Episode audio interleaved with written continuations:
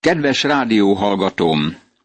János evangéliuma 5. részéből, a 9. verstől a 13. versig olvassuk Isten igéjét. És azonnal egészséges lett ez az ember, felvette az ágyát és járt.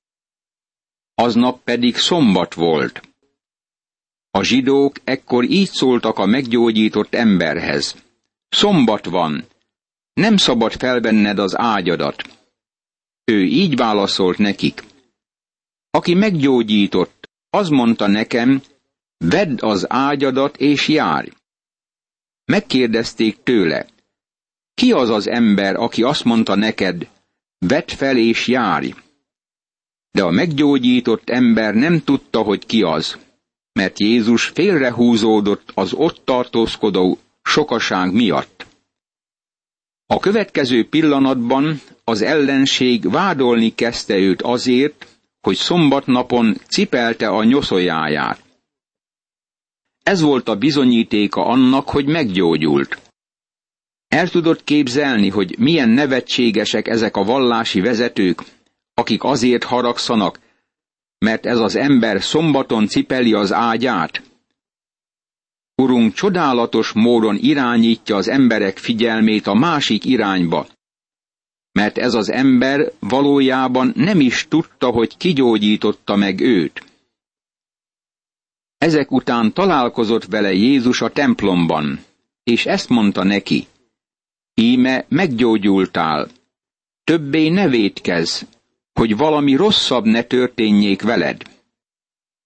Elment ez az ember, és megmondta a zsidóknak, hogy Jézus az, aki meggyógyította. A zsidók ezért üldözni kezdték Jézust, mert szombaton tette ezt. János evangéliuma, 5. rész, 14., 15. és 16. vers. Valójában a következő történt. Az úr meggyógyította őt testileg a Betesda tavánál, de lelkét a templomban gyógyította meg. A bűn okozta ennek az embernek a betegségét. Először visszakapta egészséges testét, és aztán meggyógyult a lelke is. Megismerte Jézust. Most már képes megmondani, hogy ő kicsoda. Ez a tehetetlen ember várakozott és várakozott, nézte a tavat, és egy napon Jézus, az Isten báránya, odament hozzá, és meglátta őt. Azután az ember is meglátta Jézust. A tehetetlen ember találkozott a mindenható emberrel. Nekem az a csodálatos, hogy tömegek maradtak ott a tornácokban, és ők nem gyógyultak meg. Ma is vannak tömegek, akik nem nyernek megváltást. Vajon Jézus nem akarja őket megváltani? Igenis akarja, de nem tekintenek föl Jézusra. Csak várakoznak, hogy valami történik az életükben. A gyűlöletnek ezek a vérebei Jézus nyomába eredtek amikor János azt mondja, hogy a zsidók, akkor ténylegesen a zsidók vallási vezetőire utal. Ez az a pont, ahol elkezdik Jézust üldözni, és meg akarják őt ölni. Jézus így szólt hozzájuk. Az én atyám mindez ideig munkálkodik, én is munkálkodom. János evangéliuma, 5. rész, 17. vers. Amikor az ember bekerült a bűn árkába, az Úr Jézus és az Atya többé nem nyugodhatott szombatnapon. Jól lehet Isten megnyugodott a fizikai világmindenség teremtése után, de az ember teremtése után többé nem nyugodott, mert az ember valamilyen állathoz hasonlóan beleesett az árokba. Ezért azután a zsidók még inkább meg akarták ölni. Mert nem csak megtörte a szombatot, hanem saját atyának is nevezte Istent, és így egyenlővé tette magát az Istennel. János evangéliuma, 5. rész, 18. vers. Ezek az emberek nem nyugodtak mindaddig, amíg karjukat össze nem tehették Krisztus keresztje alatt. Urunk most három hatalmas kinyilatkoztatást tesz önmagáról. Ezért használhatjuk fel János evangéliuma 5. részének 24. versét az evangélium bemutatására. Ezt most egymás után felsoroljuk. Az első állítása a következő.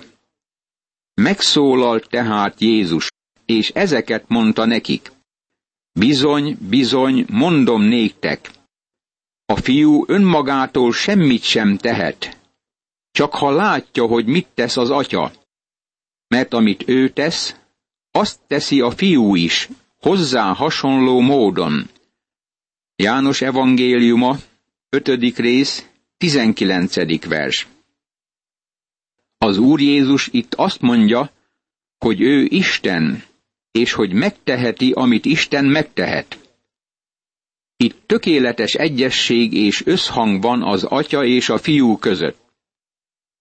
Ezért az ellene fölhozott vád teljesen lehetetlen.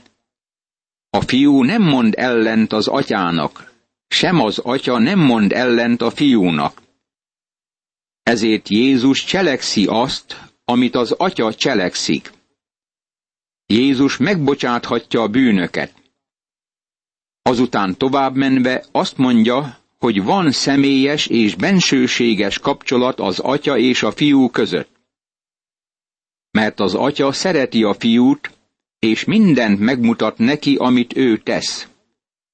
Sőt, még nagyobb feladatokat is fog rábízni, hogy ti csodálkozzatok.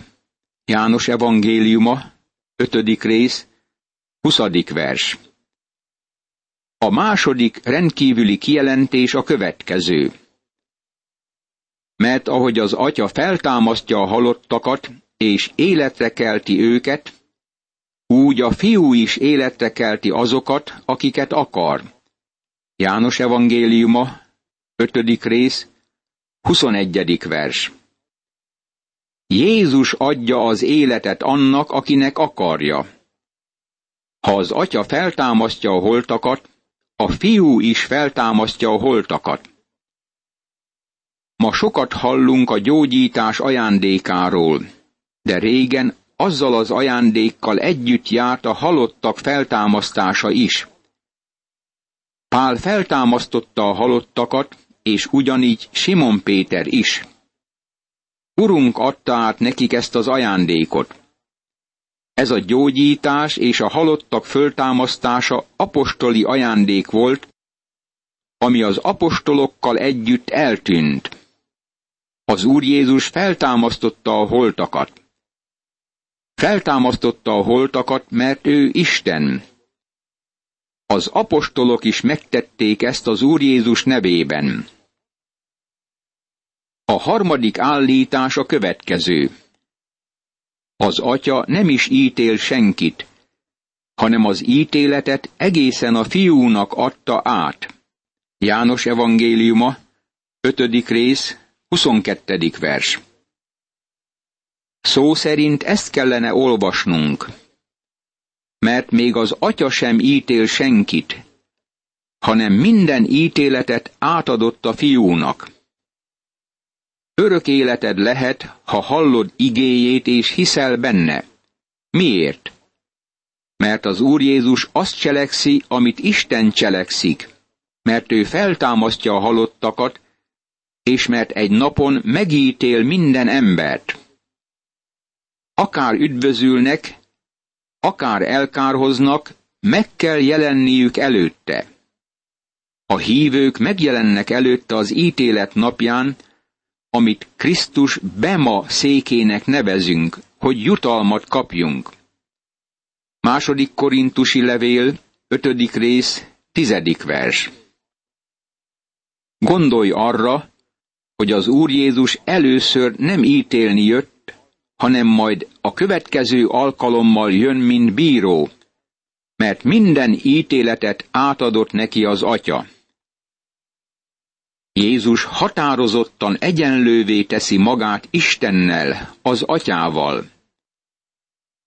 Hogy mindenki úgy tisztelje a fiút, ahogyan az atyát tisztelik. Aki nem tiszteli a fiút, az nem tiszteli az atyát sem, aki őt elküldte. János evangéliuma, 5. rész, 23. vers. E három állítás és a három nagy alapel fényében mondja ki a 24. versben található nyilatkozatot, amit fölhasználnak ma a lelki munkában.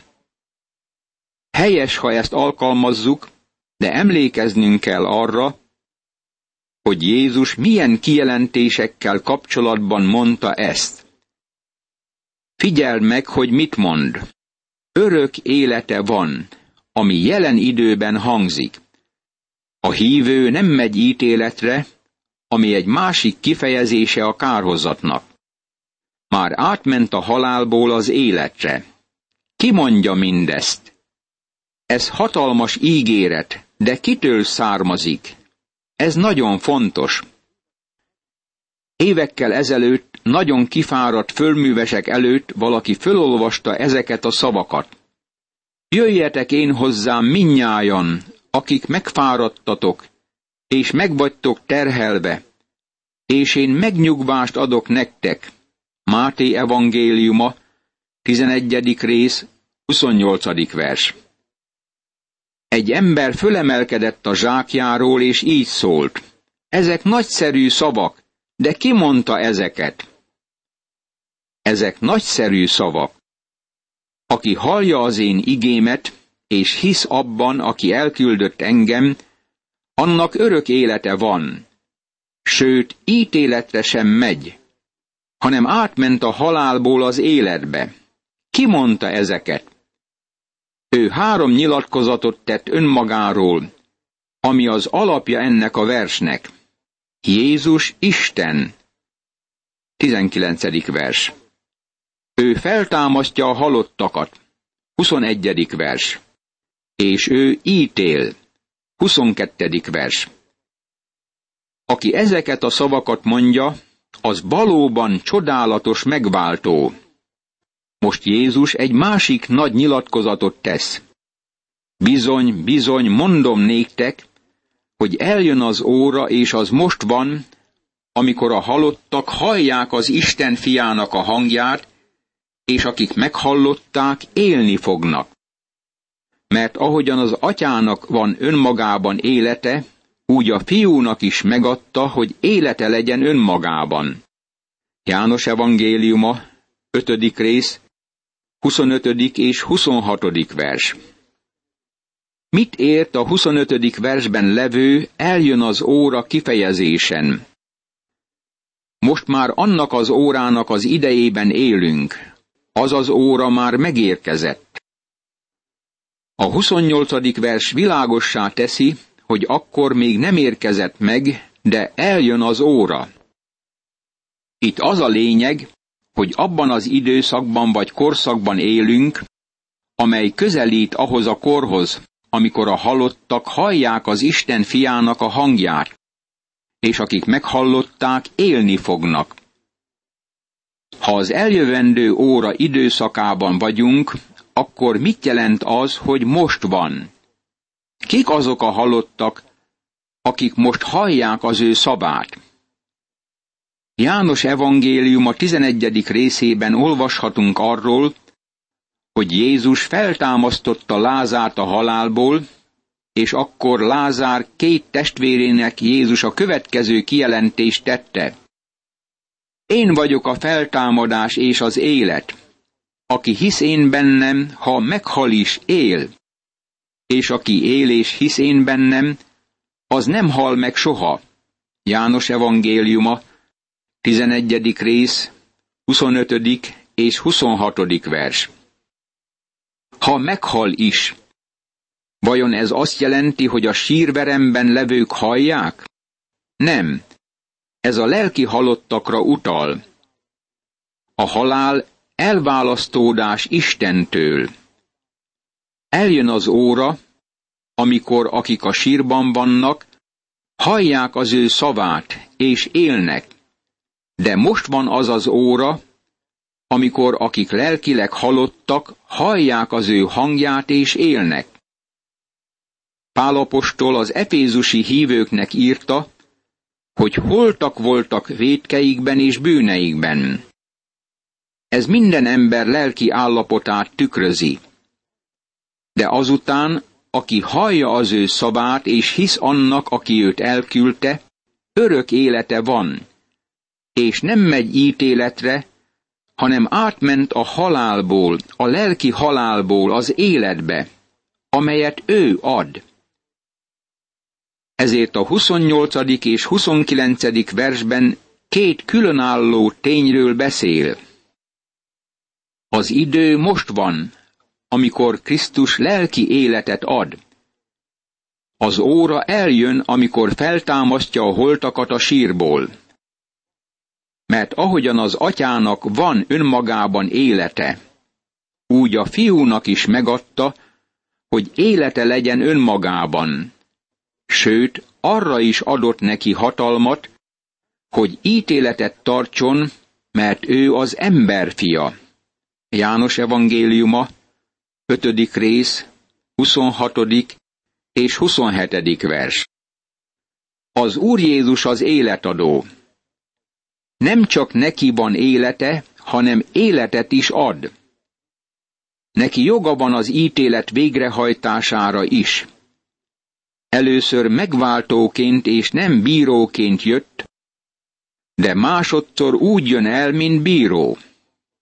Akkor, akik a sírban vannak, hallják az ő hangját.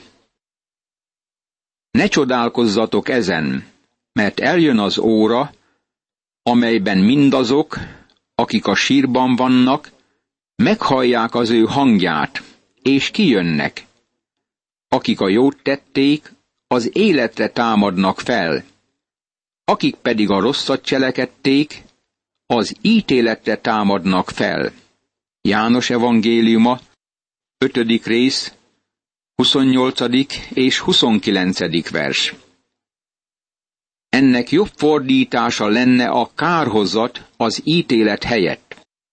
Itt két feltámadásról van szó.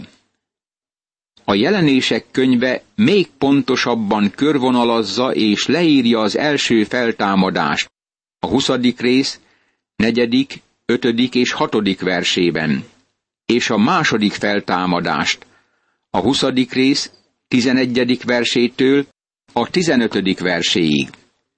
Az első feltámadás az összes megváltott feltámadása, és ez van benne először Isten tervében. Ezt az egyház elragadtatásának nevezzük. Az elragadtatás jól fejezi ki a görög harpadzó szót. Pál használja ezt az első teszalonikai levél negyedik részének tizenhetedik versében, ahol azt mondja, hogy fölemeltetünk, ami azt jelenti, hogy elragadtatunk. Az elragadtatás a jövőben következik be. Nincs meghatározva az időpontja, és semmi előjelét nem kaptuk meg. Az bármelyik pillanatban bekövetkezhet. Az Úr majd kihívja övéit e világból, mind az élőket, mind a holtakat. Ez része az első feltámadásnak. Aztán a nagy nyomorúság időszaka alatt nagyon sok hívő mártírrá válik. Ők feltámadnak a nagy nyomorúság időszakának a végén az ószövetségi szentekkel együtt.